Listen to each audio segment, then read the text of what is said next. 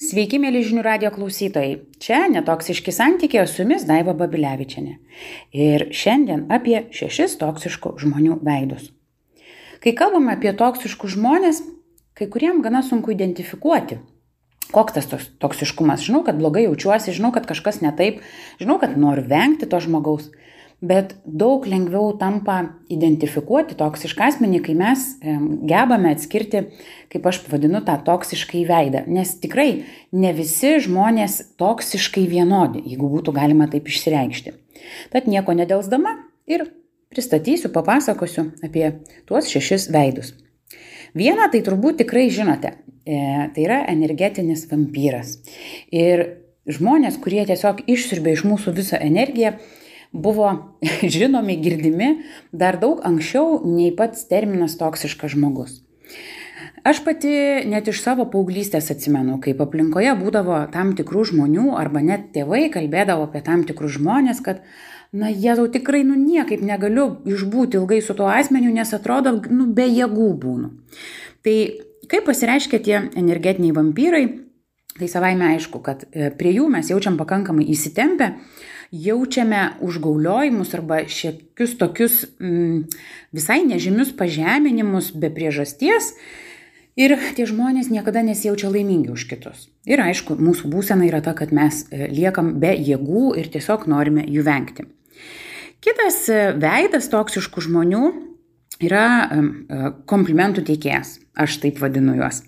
Jie iš tikrųjų labai mėgsta girti ir e, mums duoti komplimentų, kurie nėra visiškai tik, tinkami ir net netitinka tikrovės. Tiesiog toksai gaunasi kaip šiek tiek um, bandymas mums įtikti, bet mes tą jaučiame.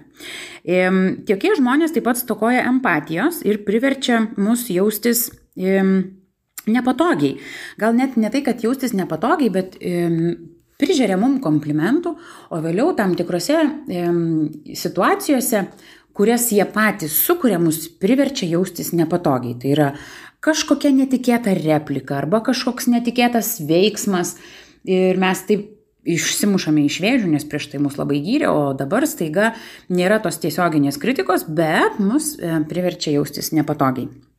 Taip pat yra pesimistų veidas ir tai nereiškia, kad visi pesimistai yra toksiški, tiesiog aš tai pavadinau. E, toksiški pesimistai, mm, galima taip būtų sakyti, žmonių rūšį ar e, pogrupį. E, tokie žmonės visada nuvertina mūsų galimybės ir net ne tai, kad E, galimybės, kurias mums e, nutinka ar atsiranda gyvenime, bet ir mūsų pačių gebėjimus.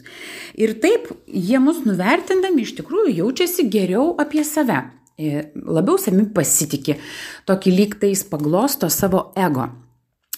Tokie žmonės tikrai labai gerai moka rūpinti savimi, jie stokoja rūpeščio kitais, o kai mes su jais dalinamės kažkokiamis savo svajonėmis ar tikslais, tai tikrai neakivaizdžiai, nors kai kurie tai daro ir akivaizdžiai, bet tiesiai per aplinkui mus atkalbinėja savo pesimistiniu požiūriu nuo tų tikslų siekimo, nuo, nuo svajonių siekimo, nes, na, paprasčiausiai tada jie jaučiasi geriau ir, ir jie patys e, gali likti savo komforto zonai. Dar vienas veidas yra kritikas. E, tokį tai tikrai žino, tokie žmonės nepalaiko mūsų jokių sprendimų, nuolat visus kritikuoja, užsiema paskalomis ir priverčia mus jaustis taip, lyg mes nieko nesugebame. Tokie žmonės kenkia mūsų savivertėjai, tikrai taip pat iš mūsų savo kritiką išsiurbia energiją ir palieka mus e, pavargusius ir nepasitikinčius savimi. Dar vienas veidas tai yra kontroliuotojai, manipuliuotojai per brūkšnelį e, ir tie žmonės tikrai labai e, kontroliuoja, vaizduoja, kad mes patinkame jiems ir tokiu būdu bando pritraukti į, į save E, mūsų įtakos zonon ir tokiu būdu e, siekia priimti sprendimus už mus, e, tuo pačiu ir už save. Ir tame labai yra ryškus taip pat patologinis melavimas, kad galėtumėm kontroliuoti visas pasiekmes ir sprendimus, tiem žmonėm tenka meluoti, ir daug meluoti, kad tik jie galėtų išlikti savo kontrolės zonoje.